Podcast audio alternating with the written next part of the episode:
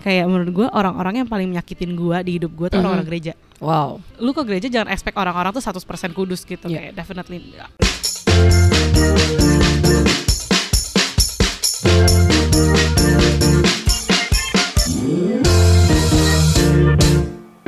Hai warga podcast, balik lagi di Kenny and Friends Dan hari ini gue bakal ngobrol sama seorang teman Jadi gue kayak baru temenan sama dia itu empat bulan yang lalu kurang lebih. Dan dia adalah seorang anak pendeta. Oh, langsung saja saya perkenalkan Ines Cokro. Halo. Tolong dong perkenalkan diri, kamu anak Perkenalkan siapa? aku anak Tuhan asik. Nggak halo semuanya. Aku Ines Cokro anak dari Pastor Andi Cokro dari Grow Center Church. Wow, biar, biar sekalian iya biar sekalian komplit komplit By the way nih sekarang kita lagi eh, ngeteh-ngeteh cantik ya Sampai Dan di belakang kita ada bule jadi saya tutupin dengan botol teh. Oke, Nes apa kabar? baik baik Sekarang lagi sibuk ngapain? lagi sibuk kerja dan nontonin Penthouse Aduh. Dan BTS dong, jangan lupa dong. oh benar Itu benar identitas loh. Oh benar-benar iya pastilah kalau itu mah sudah setiap hari. Cuma Eh. kalau sekarang sibuknya lagi nontonin Penthouse. Oke, baik. Oke, eh, menurut observasi gue cuman ada dua tipe anak pendeta Nes. Mhm. Yang satu holy banget Ya oke ya, kayak Oke. udah tinggal di kayangan gitu. betul. Yang satu itu saking tinggal di buminya, jadi ancurnya berantakan gitu. Jadi gue di mana nih? Nah justru gue mau nanya lo, lo, lo posisinya ada di mana nih Nes? Gue posisinya kayaknya di nggak tahu sih gue ngerasa gue kayak di tengah juga enggak tapi nggak ancur-ancur banget tapi nggak kudus-kudus banget gitu yang kayak bukan yang kayak I think definisi kudus buat orang-orang beda kan kayak Ah. kayak buat gue obviously gue dekat sama Tuhan tapi gue bukan yang sampai ekstremis yang kayak orang-orang Amish gitu lah yang kayak Ah. yang gimana gue kayak santai-santai aja hidup yang penting gue dekat sama Tuhan Oke. jadi apa ya somewhat not nggak yang bukan yang kayak ekstremis kudus tapi nggak yang hancur kayak pasti gue nggak hancur hidup Mhm. gue biasa aja gitu Oke. Dan bonyok lo itu udah jadi pendeta sejak se- sejak kapan? Apakah sejak lo kecil? kalau jadi pastoring a church Hmm. kalau dia sebagai gembala itu baru sekitar tahun ini enam tahun lalu enam tahun lalu. itu baru benar-benar pastoring a church tapi Oke. seumur hidup gue gue tahu mereka tuh pendeta Wow.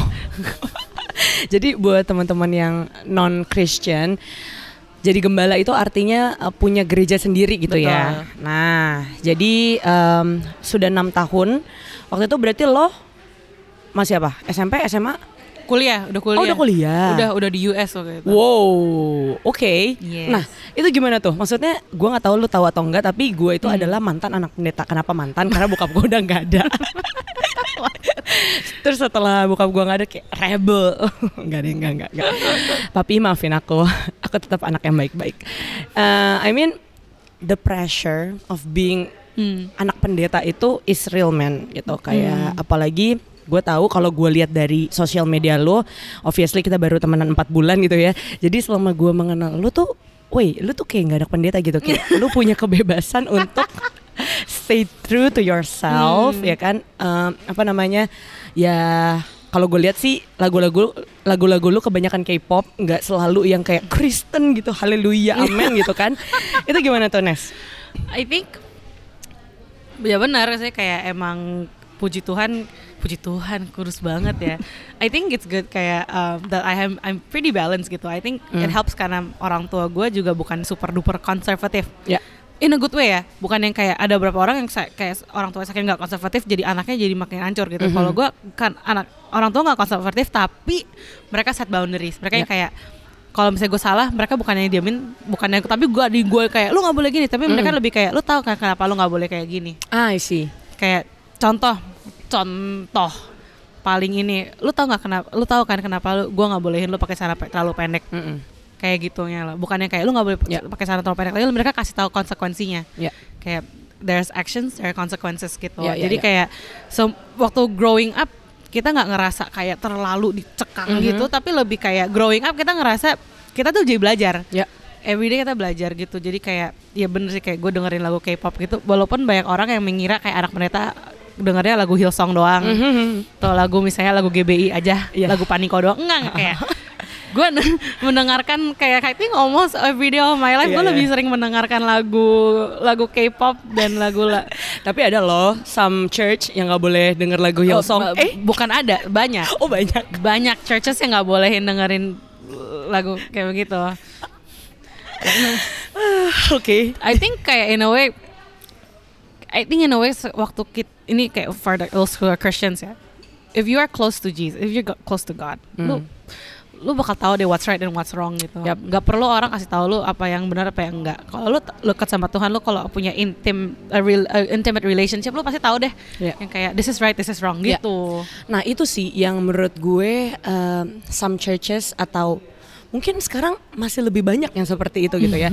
Um, gereja tuh terlalu mengotak-ngotakan kayak ini nggak boleh ya, itu nggak Hmm, boleh gitu. hmm. Gue inget banget pas gue kecil gitu ya, di mana ada um, Pikachu lo tau kan Pokemon tuh. Tahu. Oh gila ada ada momen di mana setiap yang punya Pikachu dibakarin.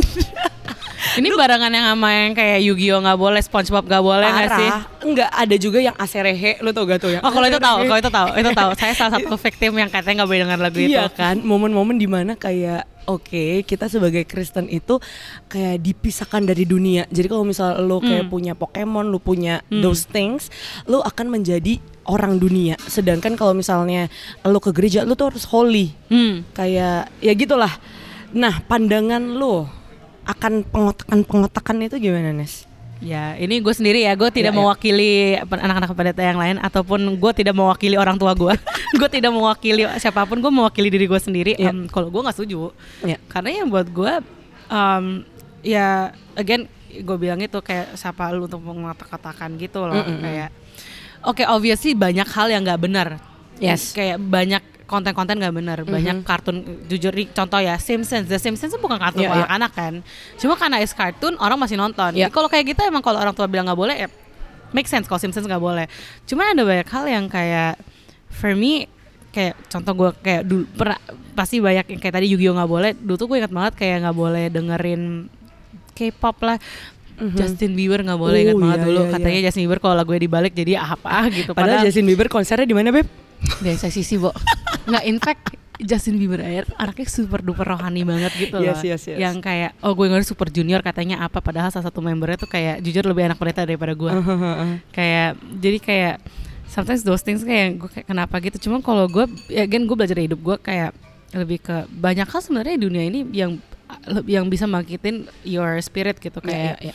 contoh nih um, Tori Kelly itu Tori Kelly kan sih? Tori Kelly kan bisa di label dia sebenarnya penyanyi sekuler Mm-mm. cuma lagu-lagu dia tuh very Yes. very powerful very bikin gue tuh kayak ngerasa kayak wah ini kayak powerful banget Mhm. nih atau um, contoh ini kayak ini gue balik lagi ke BTS ya Yeah. contoh BTS deh kayak sesama sesama army nih kayak BTS itu lagu-lagunya sangat amat positif Iya.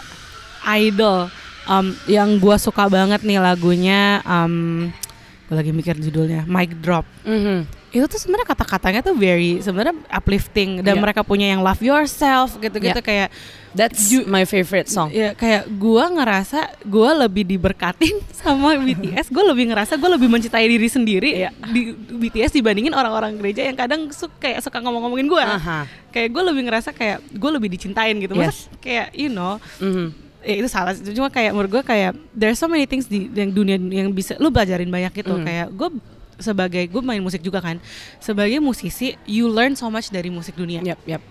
doesn't mean kayak lu dengerin musik dia lu salah Ya. malah lu belajar banyak gitu Ya ya.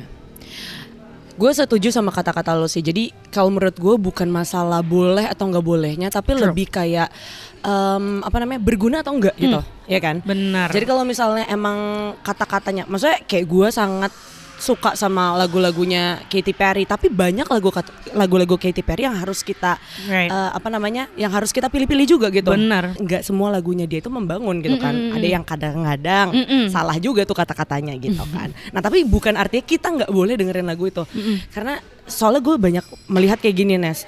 Once kayak nggak boleh, artinya kalau misal lo mendengarkan itu, lo adalah manusia yang paling berdosa di dunia ini. You know, like kayak ada perasaan kayak oh damn gue dengerin lagu ini berarti gue dosa nih gitu Iya, iya, iya. ya padahal kan enggak gitu kayak Gue ngerasa kalau kayak gitu ya itu kayak semua orang berdosa gak sih kalau lu lagi di mall tiba-tiba dengerin kayak masa lu tiba-tiba tuh kuping gue kayak jalan Iya, ke mana-mana iya. kayak tuh enggak enggak enggak kayak nggak mungkin kan Yes, yes, yes, yes, yes. Oke, gue pengen cerita juga. Jadi kan gue anak pendeta kan, dulu, dulu, dulu. dulu. Dan gue melihat tuh kayak the pressure is real gitu, di mana kayak apa-apa nggak boleh. Ya salah satunya adalah dulu nonton bioskop nggak boleh pakai celana pendek nggak boleh apa segala macam. Jadi tuh gue kayak mendo- eh, kayak terdoktrin oh my god kayak jadi anak pendeta sulit ya gitu loh. Kayak hmm gimana? gitu kan. Lu pernah nggak sih mengalami masa-masa sulit seperti itu? Pasti pernah dan yakin banget semua orang pernah. Dan hampir semua teman-teman gue yang anak-anak pendeta kita kalau ngumpul kita pernah kayak berapa kali kumpul gitu kalau ketemu pasti kita ngomongnya kayak sama gitu yang kayak Hmm. aduh kayak struggle the struggle is real gitu. Dan kayak ini contohnya kayak bener sih kayak um, celana pendek nggak boleh kayak apa yang lu post di Instagram tuh harus lu filter bener-bener filter. Kayak bener-bener um, intinya kayak buat gua ketawa maksudnya kayak gue lagi hangout sama tem gue kepit obviously gue circle gue nggak cuman nggak Anak cuman gereja. anak gereja ya kayak ada anak kantor atau dulu anak-anak sekolah dan pasti anak teman-teman gue sekolah-sekolah mungkin ada yang ngerokok gitu-gitu gue ingat banget gue pernah hangout sama teman-teman gue mungkin temen gue ada yang ngerokok terus ada orang gereja yang ngeliat Mhm. dan mereka tuh kayak kamu kok temenannya sampai kayak orang-orang kayak gitu Mhm. terus gue kayak they are my friends. Ya, ibu gue mau gimana? Masa gue nggak gue gara-gara mereka ngerokok gue jadi nggak ya. ya ada sih kayak emang kayak nggak boleh kan kayak emang gue juga bilang gue nggak boleh lama-lama ya karena gue emang nggak bisa asapnya. Iya, ntar iya. gue takutnya sesak atau gimana. Cuman emang kayak doesn't mean gue nggak hangout sama teman-teman kayak Iya. gitu. Kayak I love my friends. In fact Tuhan suruh gue uh, love my neighbors. Ya, gitu ya of course I love my friends gitu jadi gue kayak masih hangout sama mereka walaupun mereka emang hidupnya nggak benar ya. tapi in the same time gue tetap mendoakan mereka tetap gue menjadi contoh buat mereka Ya, ya, dan ya. gue make sure guanya nggak ikutan gaya hidup mereka Ya, ya, ya. gitu Sebuah kejadian yang baru-baru ini gue alami gitu ya. Gue sempat cerita juga kalau Hmm. gitu. So uh, there's this um, apa namanya ya? there's this community gitu Oke. yang mau mengundang gue. Dan waktu itu gue ngepost sesuatu Hmm. yang men-trigger mereka untuk istilahnya gimana ya? Untuk meng-cancel gue. Tapi uh, mereka ngomongnya dengan baik-baik. Mm-mm. Uh, puji Tuhan gitu ya. Uh, mereka bilang kayak gue ngelihat post lo ini segala macam dan Hmm. kita harus kayak nggak jadi pakai lo deh intinya kayak gitu. Tapi itu membuat gue tuh sangat kayak ada sedikit luka lah yang tersisa dalam Hmm. Hati yap. gue gitu kan. Karena dia ngelihat post gue itu waktu itu gue lagi sama cowok gue di apartemen gue. Obviously tuh kamar gue tuh kecil banget Nes. kamar gue cuman kayak studio jadi masuk iya. langsung kasur langsung eh, apa namanya langsung TV gitu. Ini kamarnya kulkas waktu itu kecil banget. Betul. Kulkas saya aja kecil beb gitu kan. Nah tapi em, ya dalam dalam instastory itu mungkin kayak kelihatan di kamar berdua sama cowok gue gitu kan. So dia nggak jadi ngundang gue. Eh, komunitas ini adalah komunitas Kristen gitu ya. Di mana gue kayak berpikir kayak oh kok em, mereka ngejudge gue from my instastory dari Right. satu instastory gitu loh Right. mereka ngejudge gue gitu kan dan sadly eh, mereka ini adalah teman-teman gue yang gue anggap kayak you know my life man Hmm. kayak lo tahu apa yang gue lakuin? gitu. Kenapa eh, judgmental ini datangnya dari teman-teman gue sendiri yang notabene adalah orang-orang gereja gitu kan. Right. itu yang membuat gue kayak oh my god. Itu agak sakit hati tapi jujur eh, in this point gue udah memaafkan mereka gitu. Karena I know mungkin ada juga beberapa eh, perlakuan gue yang mungkin salah gitu. I think um, it is inev- inevitable arti artinya nggak nggak bisa dihindarin kalau Ya. ada banyak orang-orang kayak gitu yang mungkin bukan mungkin bukan mereka bukan teman-teman lu itu yang ngejudge lu. Mungkin atasannya atau leaders leadersnya yang ngerasa kayak wah nggak bisa nih ini um, karena emang pasti kita, tanpa kita sadari banyak hal yang kita lakukan itu bisa jadi batu sandungan. Ya. Tanpa kita kayak sadar ya kayak gue ngerasa gue anaknya belak-belakan banget. Mhm. sama temen-temen gue belak-belakan banget. Sampai ada point di mana nyokap gue sampai kayak ngomong kamu nggak boleh kayak gitu. Kayak you know, like you know the words you say itu bisa hurt, hurt people gitu ya. sampai gue kayak oh ternyata gitu. Soalnya gue ngerasa gue kalau ngomong semua orang ketawa kok. Kayak tanpa gue sadar kayak oh I'm hurting people gitu. Dan I think it's the same with our lives and our post gitu. Tanpa kita sadarin mungkin kita menjadi batu sandungan tanpa Yeah. kita tahu gitu. Dan um, obviously banyak juga orang-orang di gereja yang mungkin nggak tahu mereka itu sebenarnya diem-diem ngejudge Mhm. mungkin buat mereka karena mereka hid- mungkin hidupnya di gereja jadi mereka ngerasa kayak mereka tuh benar Hmm. nggak pernah tahu yang kayak oh sebenarnya Iya. nggak ada angle sebenarnya Mhm. lo harusnya ada angle di behind itu Iya, iya. cuman karena emang apalagi di sosial media ya what you see is what you see gitu Iya, kayak lu lihat ini lu nggak perlu penjelasan kayak kok kayak gini gitu Mhm. loh kayak let's just say contohnya kayak uh, skandal-skandalnya Feli dan ini ya kayak yang sekarang ya orang kan nggak tahu cerita di belakangnya cuma Iya, iya, orang iya. tahu apa yang dia lihat di sosial media Iya. intinya gitu sih kayak di sosial media people don't know the behind story Iya. unless lu kasih kayak penjelasan cuman kan ngapain lo jelasin diri sendiri gitu. Mhm. Kayak, ka- ngapain kasih penjelasan and um I think kayak ini um, ini cerita dari bokap ini kayak dari gereja gue ya ini Hmm. in our church diajarin tentang belong, behave and become. Ini untuk Ya. orang yang if you're Christian, if you're in church di gereja gue diajarin gini kayak lo datang ke gereja lo tuh belong dulu. Mhm. You belong in a church. Um, lu masuk lu belong tapi doesn't mean it stops there. Mhm. After lu belong in a church, kita accept you for who you are. Yeah. It comes to become to behaving, Mhm. to behaving like a Christ follower. Lu um, diajarin cara untuk benar, how to behave, Yeah. how to um, uh, gimana untuk hidup, behave in a church, um, hidup yang benar, nggak boleh jadi batu sandungan. Abis itu lu baru become. Mhm. Kayak biasanya orang tuh stucknya di, di doang nih. Mereka Yeah. ngerasa pengen di accept aja, tapi nggak Mhm. pernah belajar namanya behave. Yeah, yeah, yeah. gitu. Wow, that's a good point. lu ke gereja doesn't mean lu jadi orang kudus. Iya. Nanti kan lu kayak lu ke gereja lu doesn't mean lu ke gereja lu masuk ke gereja lu akan expect semua orang tuh kayak Mhm. saints. Mm, Like definitely not. In fact kayak buat hidup ini buat gue sendiri ini contoh gue sendiri gak Mhm. nggak tahu gak gue nggak mau wakili siapa-siapa ya gue mau wakili Ines Cokro kayak menurut gue orang-orang yang paling menyakitin gue di hidup gue tuh orang-orang gereja Wow. jadi kayak kadang tuh orang gini loh orang ekspektasi orang gini gue masuk ke gereja gue akan ketemu orang-orang yang baik banget Yeah. Like, that is not true kayak di gereja banyak orang yang masih belum dewasa Mhm. kayak di gereja itu banyak orang yang masih berdosa. Iya. Di gereja itu masih banyak orang yang lagi belajar untuk menjadi better. Mhm. Kayak lu ke gereja jangan expect orang-orang tuh 100% kudus gitu. Iya. Kayak definitely definitely not. mereka kata- kata-kata mereka masih menyakitkan, Mhm. their actions masih menyakitkan. Cuman um, kayak gue belajar di, di, di situ gue belajar kayak gue nggak bisa ngetrust nggak bisa trust 100% ke manusia doang Yeah. dan gue ke gereja bukan karena manusia. Gue gereja bukan karena a person atau a pastor. Karena menurut gue nggak ada orang sempurna nggak ada pastor yang sempurna nggak ada gereja yang sempurna.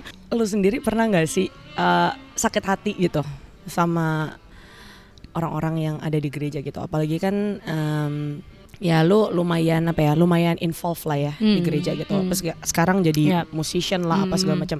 Soalnya in my case gue pernah banget nih ya, gue inget banget. Jadi gue lagi jadi WL. WL itu buat yang nggak tahu adalah orang yang memimpin pujian di depan gitu kan. Waktu itu gue pakai heels, heelsnya lumayan tinggi gitu. Selesai ibadah gue didatengin sama orang, sama pengerja lah gitu.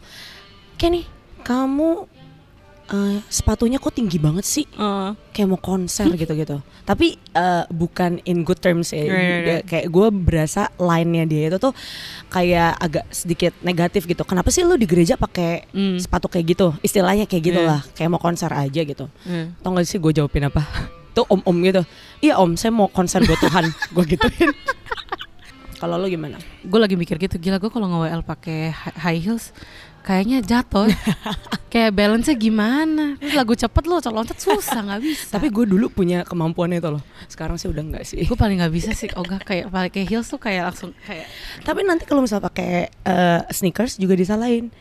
Ya kan? Kayak Oh, kalau gereja gue seragamnya harus pakai sneakers Oh, karena- gitu. iya kita Baik. iya emang gereja kita nggak normal maaf ya nggak coba kayak kalau gue cerita itu banyak banyak banget cerita-cerita kayak gitu. Em, contohnya nih contoh paling besar kayak gue WL di gereja gue anak pendeta tapi sering banget orang ngomongin kenapa anak pendeta masih dengerin K-pop. Mhm, kayak itu gue sering mhm. banget apalagi kayak gue mau tugas terus gue kayak kenapa? Mhm. kayak apa ininya? Hati gue tetap ke Tuhan kok Iya, fokus iya, gue iya, ke iya. Tuhan.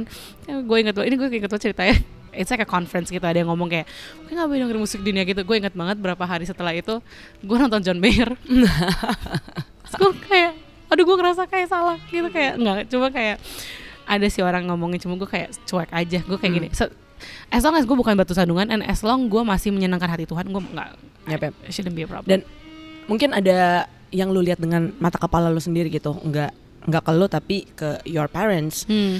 Soalnya your parents kan ya pasti punya banyak juga Mm-mm. di bawah-bawahnya gitu. Ada nggak ya a short story maybe yang bisa lo share. Hmm, Nggak usah terlalu mendalam, karena ntar tiba-tiba oh, kita iya benar, ntar tiba-tiba bokap gue ya. telepon gitu.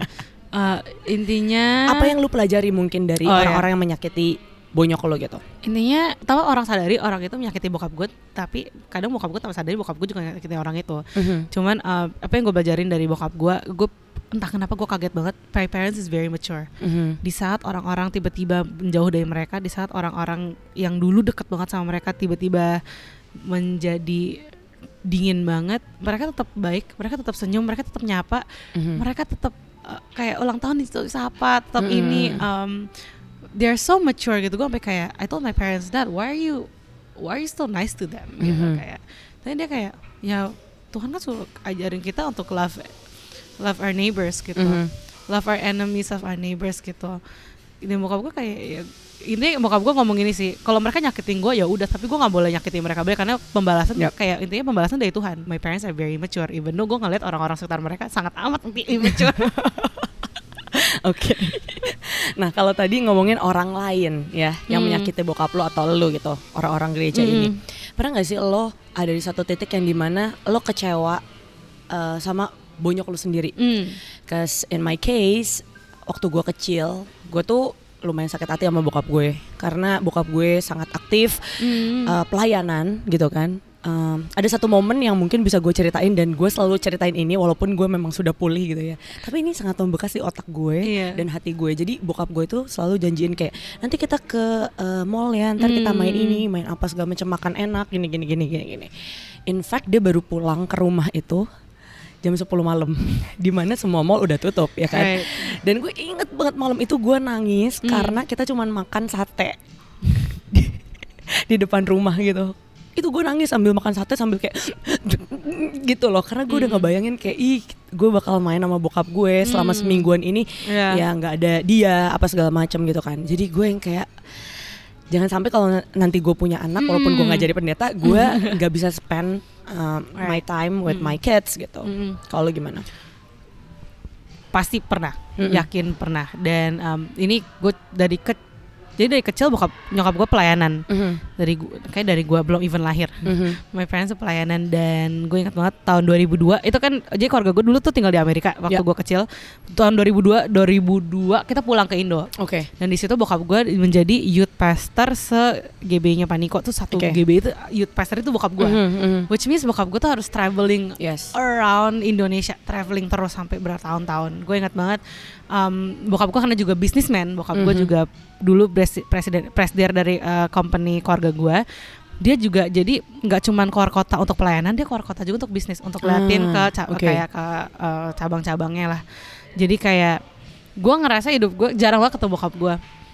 Dari kecil gue inget kasih gue menem- gue menerima kasih sayang dari bokap gue itu melalui either oleh-oleh yang dia beliin dari luar Hmm. negeri atau dari kita pergi makan Ah, itu iya. kayak cara bokap gue kasih, kasih tahu dia sayang sama kita Mhm. tuh kayak gitu karena he doesn't have the time Uh, itu terus sampai gue SMP SMA inget banget SMP ya itu pas lagi masa-masa Twitter gue inget bokap gue lagi sih gue tahu bokap gue di Singapura gara-gara gue liat Twitter Oh my gue god. liat Twitter gue kayak bokap gue di Singapura tapi di otak gue gue gak kecewa tapi di otak gue gini oh gue nitip Iya iya kayak dat nitip dia kayak emang sa- saking dulunya sakit sampai sampai kayak gue ngerasa udah kayak nyantai gitu loh Iya, sama temen iya, gue kayak iya. lu gila ya masa lu gak tahu bokap lu di mana Iya, kayak iya, I iya. know cuman inget banget gue satu titik di mana bokap bokap gue sendiri yang Mhm. kayak ditegur Tuhan kayak lu tuh melayani anak-anak muda tapi lu nggak melayani anak-anak lu sendiri Hmm.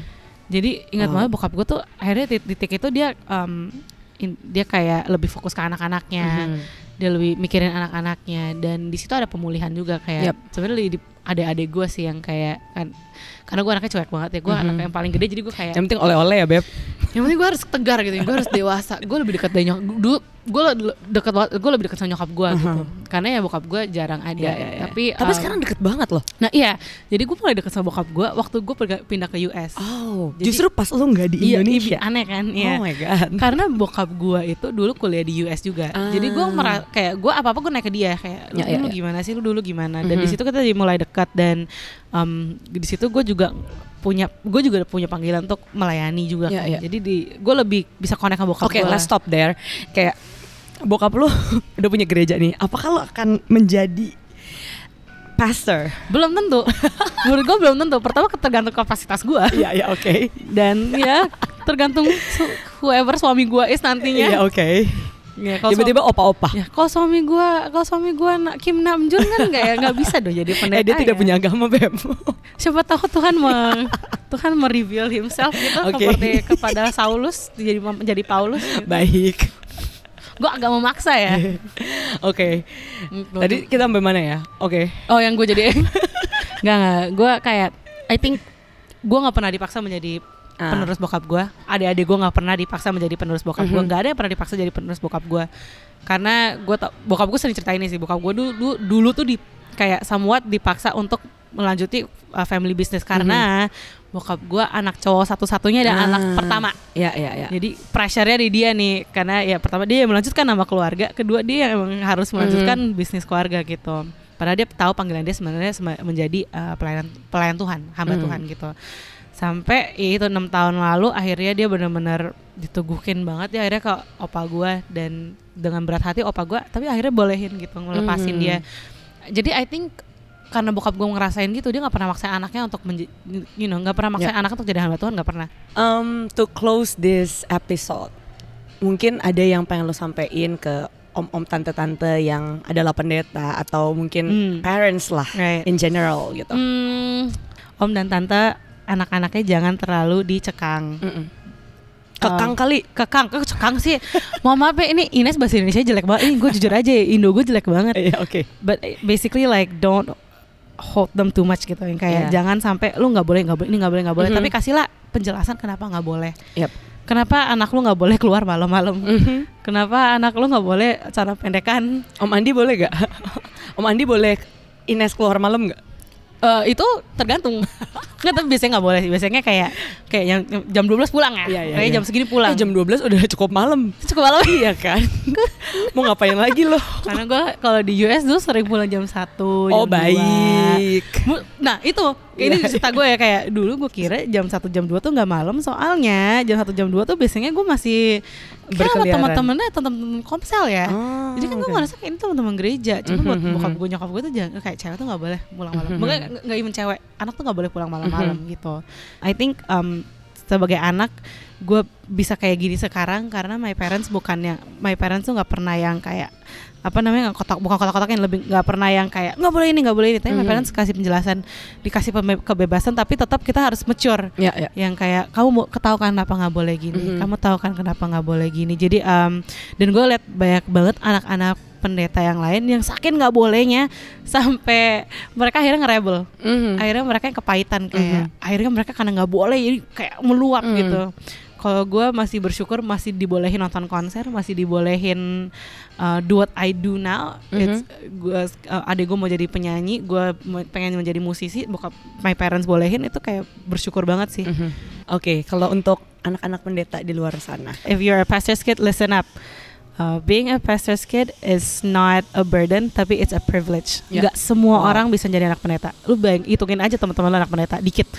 Kayak Mhm. it's a privilege Tuhan udah memanggil lu untuk menjadi anak pendeta for a reason. There's a reason why. Karena anak menurut gua anak-anak pendeta is the most the most strong people I know. Mhm. Karena mereka lah orang-orang yang support orang tuanya, yang Yeah. orang tuanya banyak beban, tapi mereka yang bisa support. Uh, jadi one thing I can tell you is that take it as a privilege, jangan jadiin beban. Dan kedua support your parents. Gue Mhm. tahu lu ngerasa disakitin dan parents tuh juga tahu they know kok kalau lu sakit, Mhm. they know kok kalau lu ngerasa sendirian. Mhm. Tapi mereka nggak tahu harus ngapain. So talk to your parents, jangan diemin aja, jangan ngerasa kepahitan Mhm. um, talk with them bilang jujur gua nggak suka lu nggak diemin gua Ya, ya. kayak gitu dan kalau emang lu tetap sakit ya tetap doakan your parents because there's a reason kenapa lu jadi anak pendeta Yap, yap, yap, yap. Gue pernah dengar satu line. Keterbukaan adalah awal dari pemulihan. mantap Uh, saya SPK banget ya. Gereja itu kan di mana pun engkau Betul. berada asik Gereja bukanlah gedung, Beb. Betul. Ya kan? Nah, eh, jadi menurut gue adalah jangan terlalu terpaku dengan oh ini duniawi, Mm-mm. ini rohani Mm-mm. gitu ya. Karena in my world gitu kayak gue kerja di dunia entertainment gitu.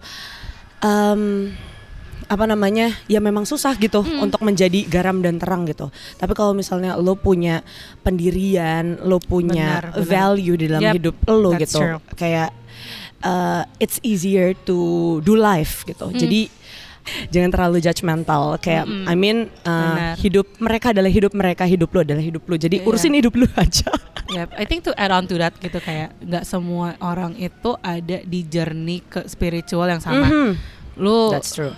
Doesn't mean lu udah lu udah gereja 10 tahun sama Mhm. orang gereja setahun belum tentu lu lebih mature loh. Ya ya. Kayak orang kadang ada yang baru setahun tapi mereka udah spiritually mature. Yes. Jadi kayak don't ever judge orang punya spirituality. Mhm. Karena spirituality orang lu cuma bisa judge Tuhan doang yang bisa judge Yap kok. yap yap. Kayak lu nggak pernah tahu gitu. Jadi um, ya intinya don't judge a person punya journey gitu. Mhm. Yang penting lu fokus di journey lu sama Tuhan dulu aja. Yap yap yap. Gitu. Dan gue sekarang ini gue bilang eh, maybe I'm not Christian tapi gue percaya sama Tuhan Yesus gitu. That's the most important thing karena kalau misal lu punya that religion tapi eh, hmm. ya hidup lu tetap kacau tidak mencerminkan kasih Tuhan hmm. gitu kan. Ya sama aja nggak usah iya, yeah, don't even say that you're Christian oh, man oh. gitu. Kayak ya udah itu sih yang mungkin bisa kita yeah. bagiin. Semoga ini bisa apa ya membuka cakrawala pemikiran. Intinya anak pendeta nggak semuanya kudus-kudus banget dan nggak semuanya ancur-ancur banget. Dan anak pendeta dengerin K-pop. Dengerin BTS